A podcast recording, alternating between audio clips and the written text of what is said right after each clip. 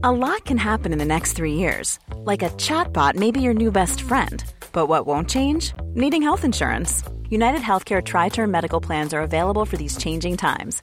Underwritten by Golden Rule Insurance Company, they offer budget friendly, flexible coverage for people who are in between jobs or missed open enrollment. The plans last nearly three years in some states, with access to a nationwide network of doctors and hospitals. So, for whatever tomorrow brings, United Healthcare Tri Term Medical Plans may be for you. Learn more at uh1.com. Hey, it's Ryan Reynolds, and I'm here with Keith, co star of my upcoming film, If, only in theaters, May 17th. Do you want to tell people the big news? All right, I'll do it. Sign up now and you'll get unlimited for $15 a month in six months of Paramount Plus Essential Plan on us. Mintmobile.com slash switch. Upfront payment of $45 equivalent to $15 per month. Unlimited over 40 gigabytes per month. Face lower speeds. Videos at 480p. Active Mint customers by 531.24 get six months of Paramount Plus Essential Plan. Auto renews after six months. Offer ends May 31st, 2024. Separate Paramount Plus registration required. Terms and conditions apply if rated PG. One size fits all seems like a good idea for clothes until you try them on. Same goes for healthcare. That's why United Healthcare offers flexible, budget friendly coverage for medical, vision, dental, and more. Learn more at uh1.com. Hei og velkommen til Tirsdagsklubben med Becoming, en av Norges mest populære podkaster innen livsmestring. Jeg heter Belinda, og jeg driver denne podkasten sammen med Isabel. Sammen så ønsker vi å inspirere og motivere deg til å skape det livet du ønsker å leve.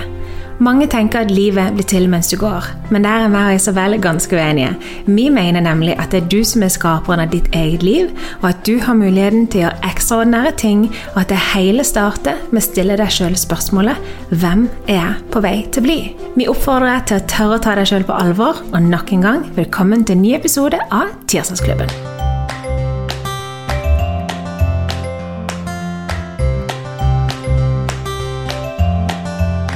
I dagens episode skal vi snakke om mitt favorittema, nemlig følelser.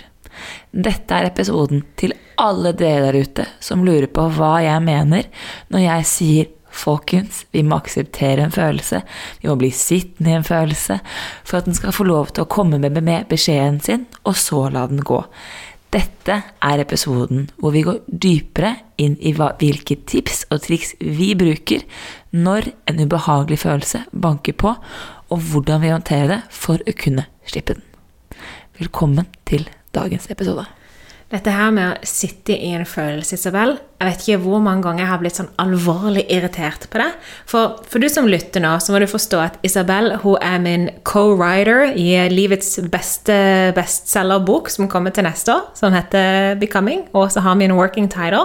Isabel er min podkastpartner. Isabel er merch eh, supervisor for Becoming. Hun er min venninne, men hun er òg min coach. Og ofte så kan jeg komme til Isabel med ubehag som jeg da sitter på.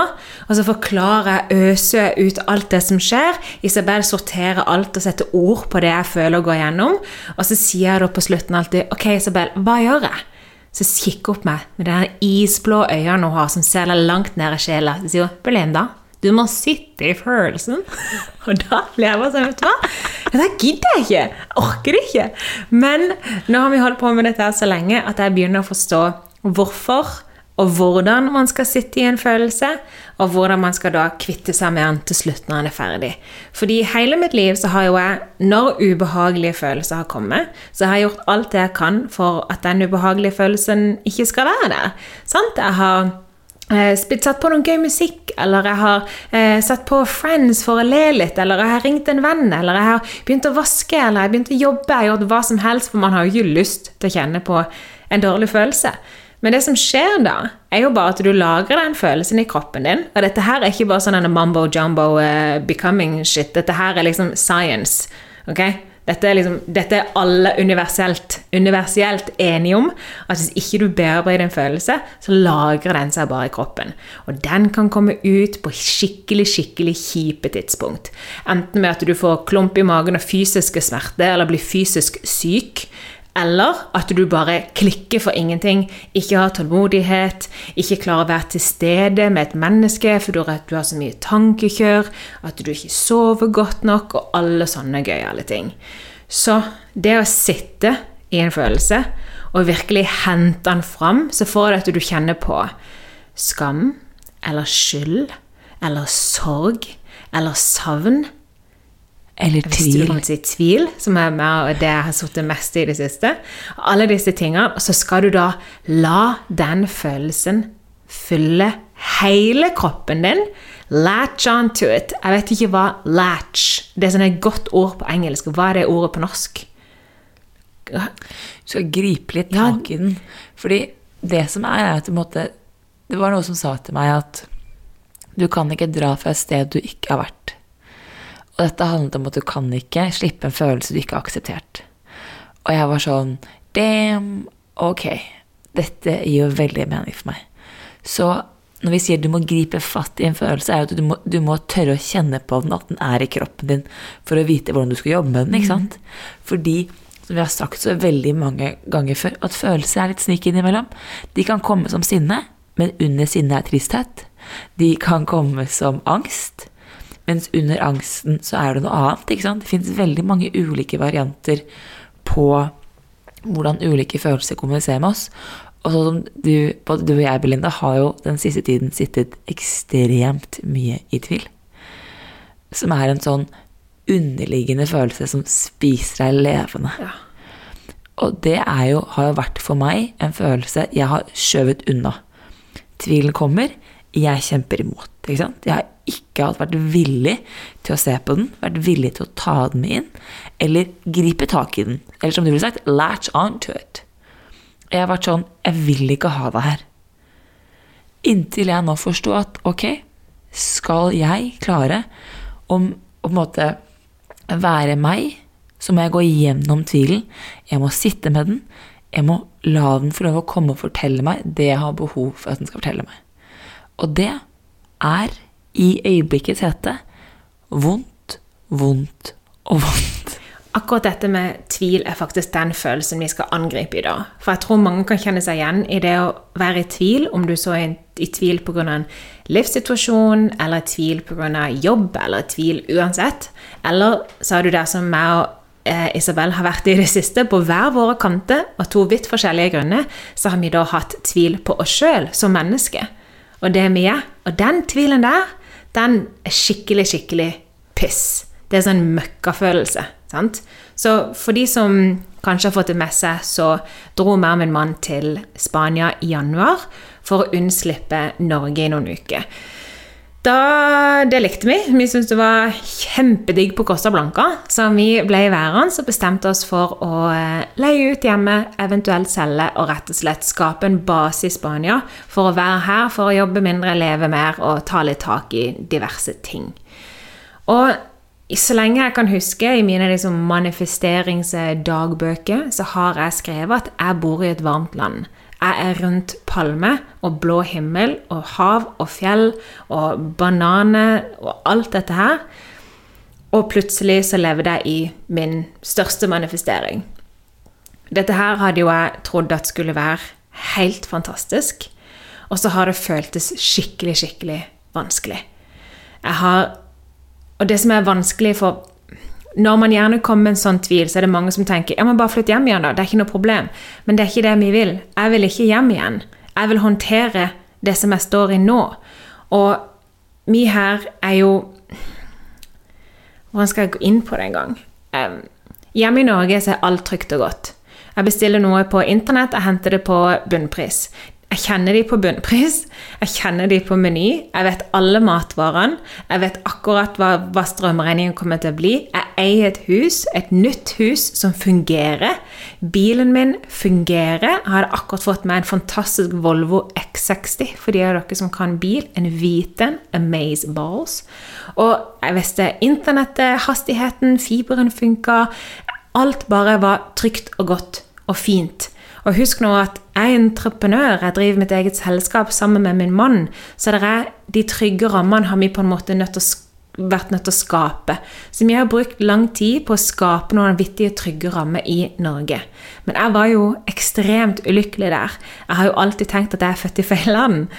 Og um, da vi da kom til Spania, så var det først bare joy in heaven, og de første månedene her nede så var jeg veldig langt nede pga. ting som hang igjen fra, fra Norge. Eh, og brukte mye tid på å komme meg opp igjen. Jeg brukte liksom den smerten som jeg hadde gått og båret på den, de depresjonene, de følelsene av angst, all den mørke, mørke smerten. Jeg gikk jo fra å jeg har sagt tidligere at jeg følte at jeg ikke hadde noe batteri. Sant? Jeg var liksom på 2% så jeg brukte liksom tida på å lade. Og når jeg var ferdig opplada, så var jeg litt sånn Ok, nå kan jeg virkelig ta Spania med storm. Og så skjedde ikke det. Da kom all denne her tvilen, fordi her er ingenting trygt og godt. Her har vi bodd først to-tre måneder i Albir, og så videre har vi nå nylig for to uker siden flytta til Althea. Så vi liksom, kom inn i én plass og lærte den butikken å kjenne, lærte det huset å kjenne, og så videre i neste. Og per i dag så vet ikke jeg hvor jeg skal handle inn. Det er mandag jeg skal handle um, alt til denne uka. Jeg vet ikke hvor jeg skal gå. Jeg vet ikke hva strømregninga kommer til å bli. Jeg vet ikke hvor jeg kjøper gassen. Jeg vet ikke når kommer internettet, hvem kan jeg ringe? Habla espanjol?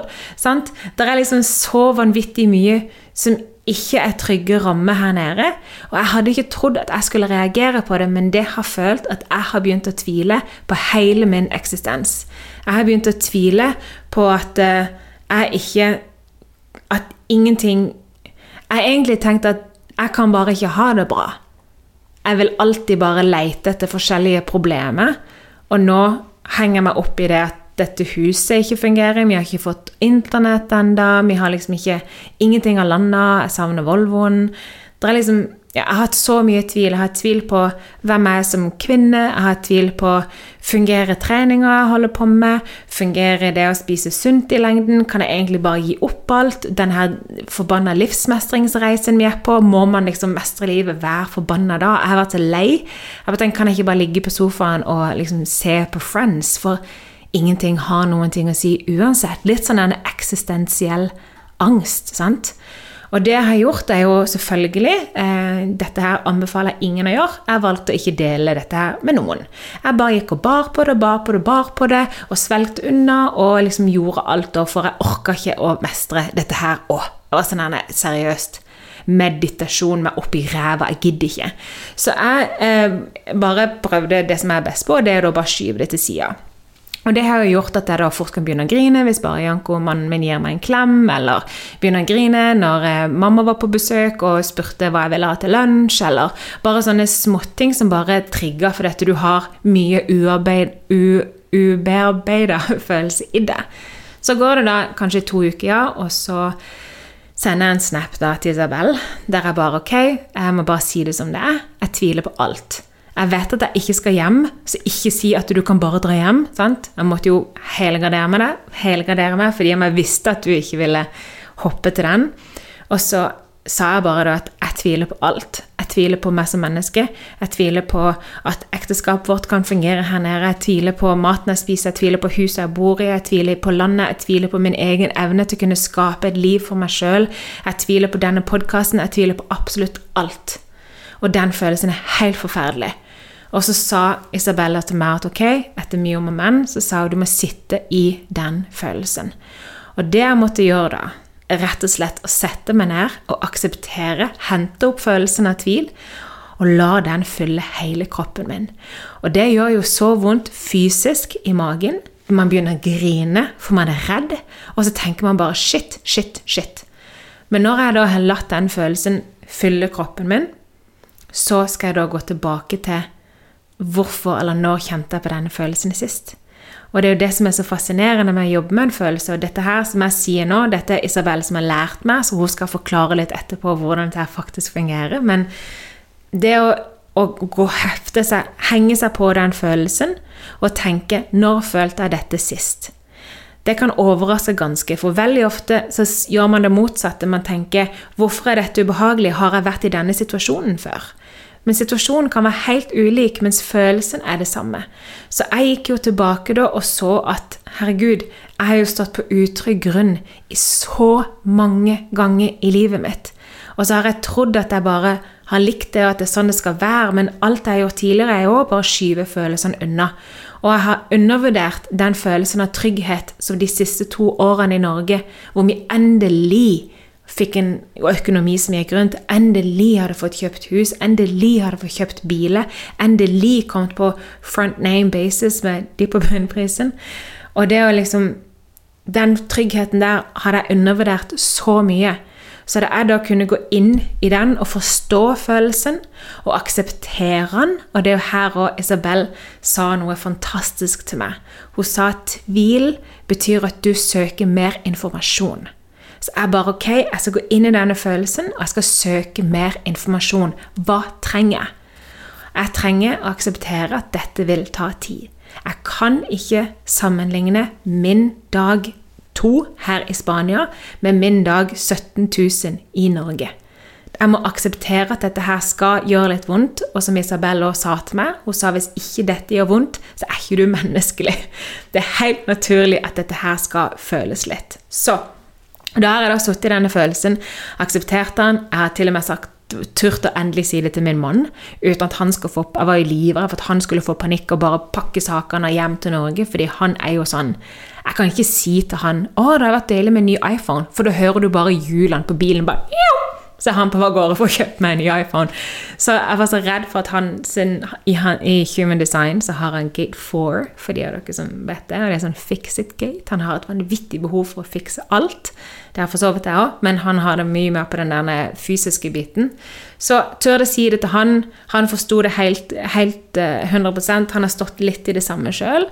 Um, og så gjorde en fantastisk øvelse som Isabella har lært meg, for vi gjør noe som heter quantum flow sessions. Og det igjen ok, du står med hoftebredd avstand oppreist, du aktiverer følelsen, du latch on, du venter til den fyller hele kroppen din, og så skal du på en måte ta følelsen opp i armene dine, løfte opp armene, og så skal du kaste deg framover, hodet ned mot bakken og armene ned, mens du da brøler ut denne forbanna pissefølelsen du ikke vil ha. Så du bare øh, Sant? Så gjør du den øvelsen mange ganger. Jeg husker første gang jeg gjorde den øvelsen. Det var så befriende at jeg bare begynte å gråte. Og som regel så gjør jeg det, for det er så befriende. Så waterfall, står oppreist og bare øh, Skal få Isabel til å lage en reel av den, så du kan gå inn og sjekke ut Isabel Engelhardt på Instagram, så kan hun vise den følelsen der. Men det har vært så revolusjonerende for meg, og jeg er et nytt menneske. Dette her skjedde nå i helga. Ok, Så alt dette her, å tørre å si det til Isabel, å tørre å snakke med min mann om det, å tørre å kjenne på følelsen, å tørre å sitte på den, å tørre å lære den, å tørre å forstå den, og å tørre å kaste den ut av kroppen, det har bare vært Altså, jeg føler meg som et nytt menneske. Etter jeg gjorde dette her i går, var vel siste Vi jobba litt med det i dag òg, men i går var liksom den der jeg kjente at det slapp, så hadde jeg behov for å gå på en løpetur. Fordi når energien frigjøres, så blir du liksom fylt med Altså, man blir ikke så tung lenger. Og det er så fascinerende hvordan det påvirker alt det man er. Og tenk hadde jeg visst dette her for 10-15 år siden. At man kan faktisk jobbe med en følelse. Så det var min historie rundt tvil. Jeg gir videre, ordet videre til Isabel nå, så kan hun også fortelle litt med dette her med følelse i kroppen. Vær så god. nå var du veldig søt. Nei, men altså sånn Det som jeg kan si, er at det er det å måte, Vi er jo lært opp til at visse følelser skal vi ta tak i. De er helt ok å ha. Andre følelser skal vi dytte bort. Og så er det at jo mer du dytter bort en følelse, jo mer på en måte motstand skaper du. Som gjør at måte, følelsen faktisk får mer kraft. Det er som at når du dytter bort en følelse som kommer sånn snikende, så kommer den bare tilbake igjen sterkere. Mm. Og vi tenker at det er en genial måte å håndtere det på. Jeg bare dytter den bort, dytter den bort. Men det som, som du sier, da, det som skjer, er at den vokser å være større og større og større og større inntil du ikke har noe valg enn å ta tak i den. Som en regning. Prøv å overse den, du. Det er det. Det er inkasso på inkasso på inkasso. Ja. Så det er jo det at det som er så fascinerende, at hvis du kan ta tak i den før så blir den ikke så stor. Men det er ubehagelig å ta tak og sitte i en følelse. Fordi, som du sier til meg hver gang Det er sånn Serr, skal jeg sitte i det? Hva faen skal jeg gjøre? Unnskyld uttrykket. Skal jeg bare sitte i den, liksom? Det er sånn, ja, sitt i den. Aksepter at du tviler. For tvil i seg selv er egentlig ikke en negativ følelse. Det vi har behov for, både du og jeg som har jobbet med denne uken her, eller ikke uken, men siste tiden, er jo det å skape rom til tvil. Fordi tvil er en del av vår, vårt følelsesregister, en del av vårt språk, som skal hjelpe oss til å forstå oss selv bedre. Så det er ikke noe galt med tvil, men det er vår håndtering av tvil. Som igjen, jeg mener at er vår håndtering av veldig mange andre følelser. Noen mennesker, personlig, digger sinne, ikke sant? Der er jeg god. Andre mennesker liker ikke sinne. Det er ikke noe galt med sinne, men det er vår håndtering av sinne. Samme gjelder tristhet. Samme gjelder skam. Det å tørre å akseptere at dette er en følelse jeg har, eller frykt. Jeg er kommet dit hvor jeg nå kan si til meg selv at Isabel, jeg er redd, og det er greit. Nå er jeg redd, det er helt ok. For som du prater om, du, snakker om trygghet. Hvis vi går tilbake til hva heter det for noe, Maslows behovspyramide Den første tingen vi trenger i bunn, er jo, er jo trygghet. Ja. Du kan ikke gå videre opp i behovspyramiden før trygghet er på plass. Og det er jo der man må faktisk hente frem tryggene når man ikke har trygg omgivelse. Eh, altså, jeg er, jo, jeg er jo trygg og god og alt dette her, så don't get me wrong, men jeg har jo mangla den tryggheten i meg sjøl. Og det er det, jo mer trygghet du har i deg selv, jo lettere er det også måte å stå i et ustød Ikke ustød, men i en ny verden. Og det, er, det du står i, Belinda. Av erfaring så har jeg bodd i utlandet i tre ulike omganger. Eh, Jeg vet at Hver gang jeg reiser ut, så bruker man tid på å lande. Man bruker tid på å bli kjent med stedet. Man bruker tid på å bli kjent med menneskene og landet og kulturen. Fordi folk tenker at vet du hva, ja, men det er jo kun kultursjokk når du flytter til eksempel Asia, liksom sånn landene som på en måte det er så stor kulturforskjell. Da. Men det er rimelig greit kultursjokk å gå fra Norge til Spania. Altså den forskjellen i måten de håndterer på, måten de snakker på, måten de er på og lever på, er to vidt forskjellige ting. Og der òg, man tenker jo bare at man har reist på ferie tidligere, og liksom menyen er på, på norsk, og du kan liksom bestille eh, vafler på hvilken som helst plass og brunost i butikken, og man tenker at det, det er ikke noe kultursjokk her. Men jeg skal si deg det at når du skal prøve å bestille deg internett, skal jeg love deg, det er kultursjokk. Når du har en avtale på at din internettinstallør kommer klokka 15.00, og ingen kommer fordi at det begynte å regne, de hadde ikke lyst til å dra likevel, og de sier de skal komme i morgen klokka 10, men ingen kommer fordi at de hadde en annen avtale, de hadde glemt det, så de skal komme klokka 12, men klokka 12 ringer de og sier at de spiser lunsj, og de har lyst til å ta et par timers gjester, så de skal prøve å komme litt senere. Jeg gikk fra mandag til fredag for to uker siden uten å dusje. Fordi på mandag så sa de vi kommer tirsdag. Tirsdag sa de vi kommer onsdag. Onsdags morgen vi kommer onsdags ettermiddag. Torsdag da hadde jeg tre, det, Nå er jeg på PT-time nummer to denne uka uten å dusje. Bare kattevask. Torsdag ingen problem. Hvert fall så er jeg borte og trener på morgenen. Ingen problem, vi er der og installerer og fikser alt til du kommer tilbake igjen. Kommer tilbake igjen? Nei, de kan ikke det den dagen allikevel. Fredagskveld, da fikk jeg tatt meg en dusj. Tenker det. Altså, de er helt, altså, når jeg blir irritert på dette her, så ser de på meg som om jeg er helt komplett idiot. Det er jo ingenting å være irritert over. Livet kommer jo i veien. Så det er jo mange ting som trigger, ikke sant? Og så er det disse små situasjonene her som måtte bygge seg opp, og som måtte angripe deg. Og når du ikke tar tak i disse følelsene her, og la de komme ut, så kommer den, som du sier, den derre kjernetvilen i meg som menneske. Var drømmen min feil? Er det jeg alltid har drømt om, er det egentlig sant? Og når vi snakker om tvil, så hvis du skreller løken, eller lagene av tvil, helt ned til bunn, så er tvil egentlig frykten for at livet bare er kaos. Det er at livet ikke gir mening. Vi mennesker er liksom det jeg kaller meaning-making machines. Vi elsker når ting gir mening. Vi ser etter sammenhenger i livet, i liksom sykluser, i mønstre. Vi har behov for det for å forstå vår egen oppførsel og livet. Så når du føler at livet bare er kaos, så er det sånn Men, men hva skjer nå? Du har, ikke noe, du har ikke noe rom for å kontrollere. Du har ikke noe å holde fast i. Det er jo tvil. Men det, den kommer liksom med også muligheten til at jo mer du tør å akseptere egen tvil, jo mer trygghet får du, jo mer tillit får du på andre siden. Fordi når du skaper rom til tvil, og ikke er redd tvil lenger, så kan du faktisk være sånn Å ja, det er helt greit å tvile. Det er ikke noe farlig. Det betyr, som du sa, jeg søker mer kunnskap. Det å komme hit Nå er det som du har kommet en del jeg tenker sånn, det er avslutningsfasen. For først så må du i enhver følelse du skal sitte i, så må du komme til det faktumet at du må akseptere at det er en ubehagelig følelse som prøver å fortelle deg noe. Du må faktisk komme dit hvor du må tørre å være ærlig med deg selv om deg selv. Om du har en morgenrutine, eller om du på en måte skriver, eller hvordan du kommer dit, det er egentlig som jeg vil anbefale, som jeg har gjort før, å skrive. Hvis du syns det er vanskelig å skrive hver dag, så du få det tipset jeg gir til mine klienter, og det er det at ok, ta på lydbånd. Snakk til deg selv. i telefonen, ta på lydbånd i syv minutter eller ti, hvor du bare snakker og får tømt deg. For det å ha en, den dialogen med deg selv, det gjør at du begynner å plukke opp ting. Ikke sant? Belinda vet jeg jo at har en rutine, så du har vært klar over at den filen har vært her, ikke sant? Du har kjent på den, du har måttet hørt den komme. For folk som ikke har den indre dialogen, så er det vanskelig å finne ut ok, hva er det jeg egentlig føler. Så jeg vil anbefale dere å måtte ha, ha en form for morgenrutine eller et sted hvor du kan ventilere. Om du har lydfil eller notatbok, det tenker jeg at altså her er liksom whatever floats your boat. Deretter så er det det at det er helt greit, og det er veldig viktig å påpeke, det er helt greit å kjenne på tvil. Det er helt greit å kjenne på frykt. Det er en del av det å være menneske. Ja, for de to, Hvis du henger, hele de to henger så sammen nå. Jeg var jo livredd for tvilen min. Jeg var helt så nærme Fuck no! Vær så grei, ikke si at, at dette her er tvil. For hvis jeg nå tviler, så er livet mitt bare totalt fucka. Vi har kjøpt en sofa her. Jeg kan ikke flytte hjem til Norge neste måned. Jeg trives jo ikke i Norge. Hva skal jeg gjøre? Å nei, så jeg var jo livredd for denne tvilen.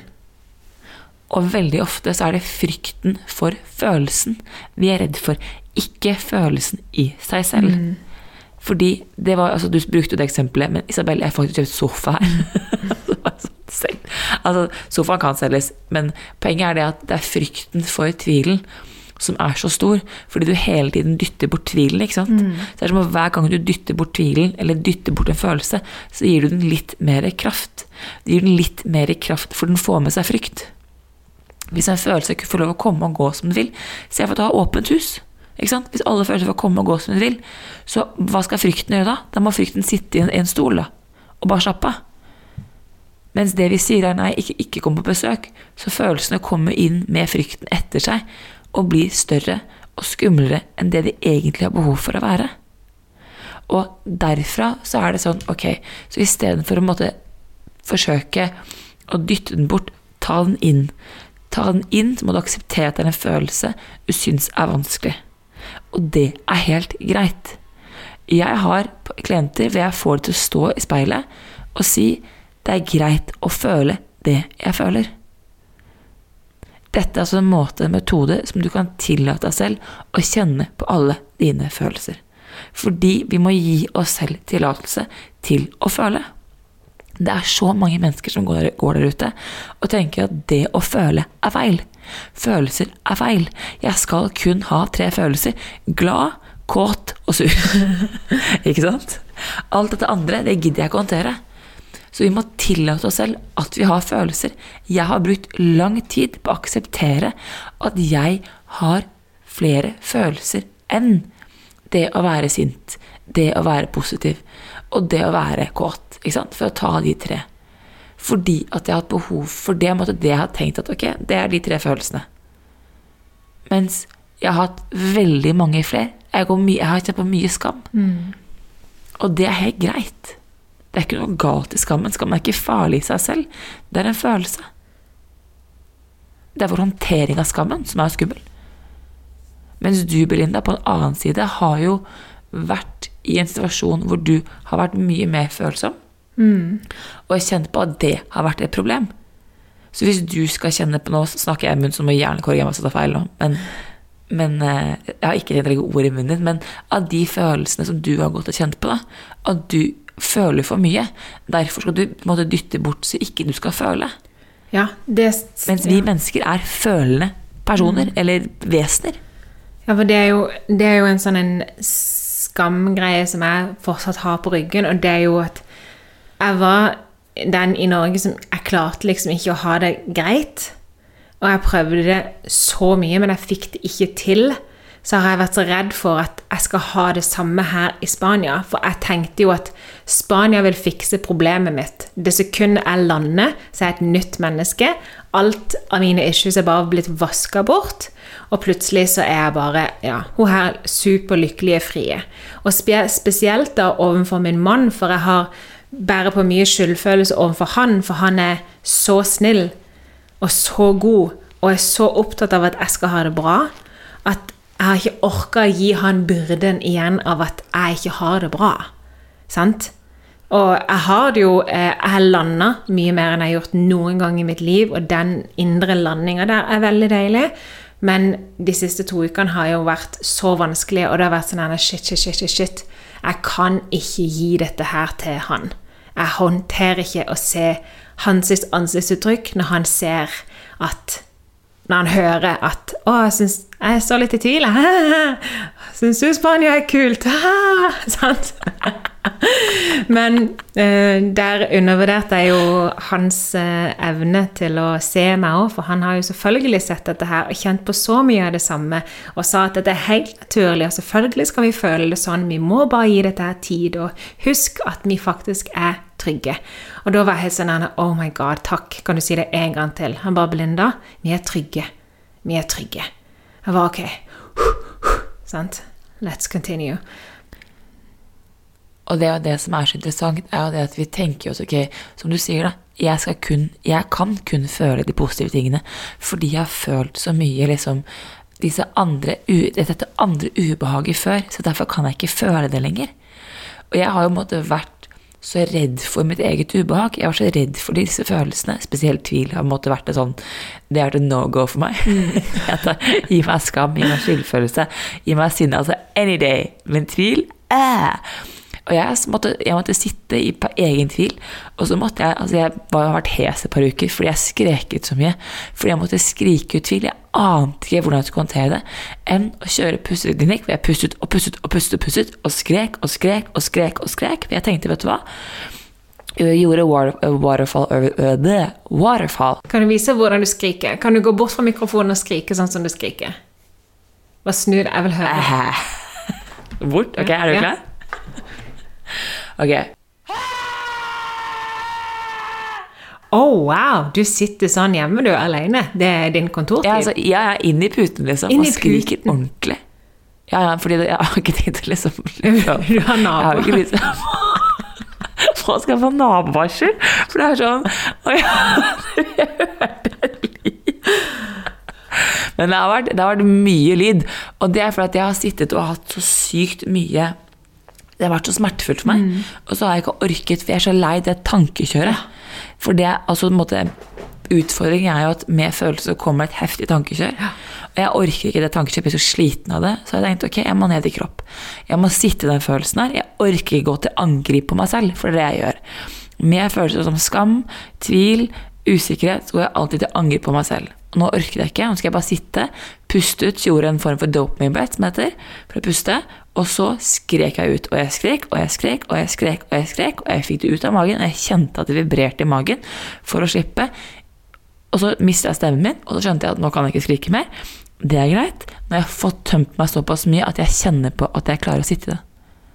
Steike. Um, Du ser helt sjokket ut. ja, eh, men jeg vil også si at eh, den stemmen du hadde mens du skrek, den var skikkelig, skikkelig sexy. Det var litt sånn denne whisky sånn. Så du skal ikke være redd for å gå gjennom livet med akkurat den stemmen, Isabel, for den kan du dra mye eh, løk på. Kan jeg kalle det løk? Det kan jeg, men her er, en, her er en fun fact. I russetiden, for å gå all the way back, så skrek jeg så mye at jeg fikk virus på stemmebåndet, og da hørtes det ut som jeg hadde inhalert helium.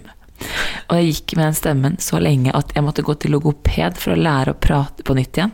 Så min frykt er jo det faktisk at den hese, sexy stemmen som det var en periode, så jeg går til en heliumstemme, og det er ikke pent å podde med. Oh my god, Dette visste ikke jeg om det. Var du litt sånn en eh, Ja. russe...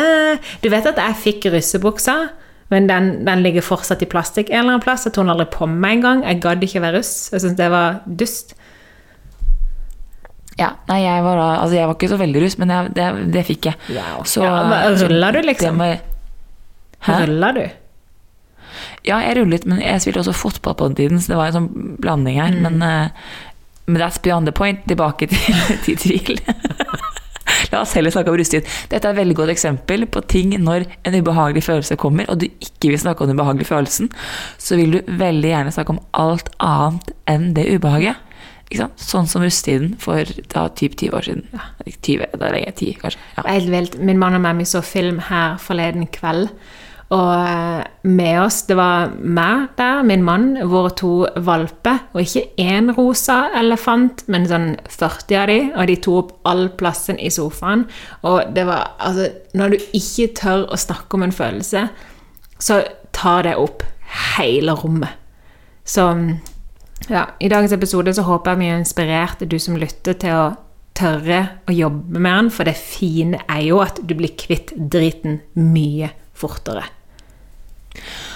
Du gjør det, og så kjenner du på en mestringsfølelse. Mm. Og det er på en måte det som er poenget mitt. er det at Når du, tør å når du klarer å akseptere en følelse At ok, den er her, jeg kjenner på tvil, det er helt greit. Så vil du også kunne klare å gjøre de neste stegene, som er på en måte som Belinda sier, det finne en måte å slippe på, og så når er det jeg har kjent på det her før? Og begynne å bli kjent med eget mønster, og ikke minst hva er det følelsen forsøker å fortelle deg? Mm. Hva er det frykten, tvilen, skammen forsøker å si? For når du kommer til kjernen av det, da begynner du å mestre deg selv. Ja. Fordi det, det kuleste mennesket jeg tror jeg kan møte, er et menneske som er sånn Jeg kan akseptere alle mine følelser. Jeg kan sitte i alle mine følelser og være sånn Ok, who the hell are you? Mm. Hvordan går det, liksom? De er jo så sinnssykt kraftfulle fordi de tør å høre på Altså bruke hele alfabetet i eget språk. Følelse er kroppens språk til deg. Så hvorfor skal vi kun bruke vokalene ikke konsonantene? Nei, konsonantene. Fordi det er, altså, Hvis du kun skal bruke vokaler, så er det A-E-O, liksom. Hva skal jeg sagt det?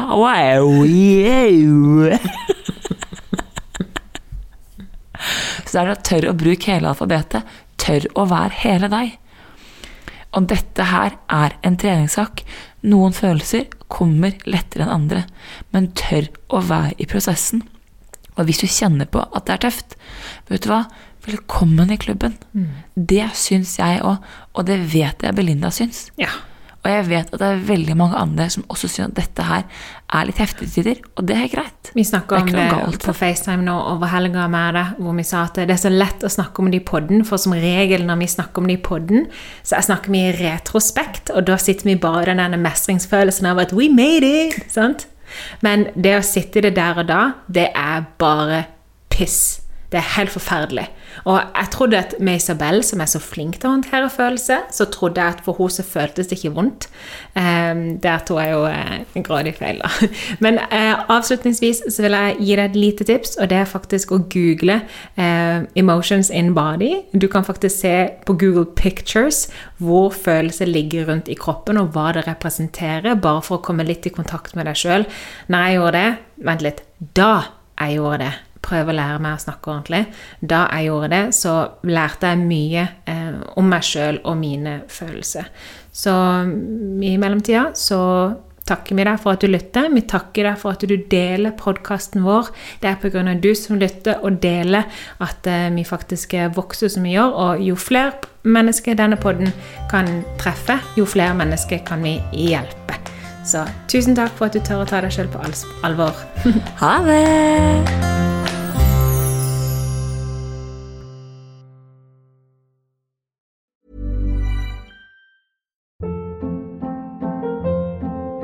Hold up. What was that? Boring. No flavor. That was as bad as those leftovers you ate all week. Kiki Palmer here, and it's time to say hello to something fresh and guilt-free. Hello Fresh. Jazz up dinner with pecan-crusted chicken or garlic butter shrimp scampi. Now that's music to my mouth. Hello Fresh. Let's get this dinner party started. Discover all the delicious possibilities at hellofresh.com. Hey, it's Paige DeSorbo from Giggly Squad. High quality fashion without the price tag. Say hello to Quince. I'm snagging high-end essentials like cozy cashmere sweaters, sleek leather jackets, fine jewelry, and so much more. With Quince being 50 to 80% less than similar brands. And they partner with factories that prioritize safe, ethical, and responsible manufacturing. I love that. Luxury quality within reach. Go to quince.com slash style to get free shipping and 365 day returns on your next order. Quince.com slash style. Mom deserves the best, and there's no better place to shop for Mother's Day than Whole Foods Market. They're your destination for unbeatable savings, from premium gifts to show-stopping flowers and irresistible desserts. Start by saving 33% with Prime on all body care and candles. Then get a 15-stem bunch of tulips for just $9.99 each with Prime. Round out Mom's menu with festive rosé, irresistible berry chantilly cake, and more special treats. Come celebrate Mother's Day at Whole Foods Market. Imagine the softest sheets you've ever felt. Now imagine them getting even softer over time. That's what you'll feel with Bowl and Branch's organic cotton sheets. In a recent customer survey, 96% replied that Bowl and Branch sheets get softer with every wash. Start getting your best night's sleep in these sheets that get softer and softer for years to come. Try their sheets with a 30-night guarantee. Plus, get 15% off your first order at bowlandbranch.com. Code BUTTERY. Exclusions apply. See site for details.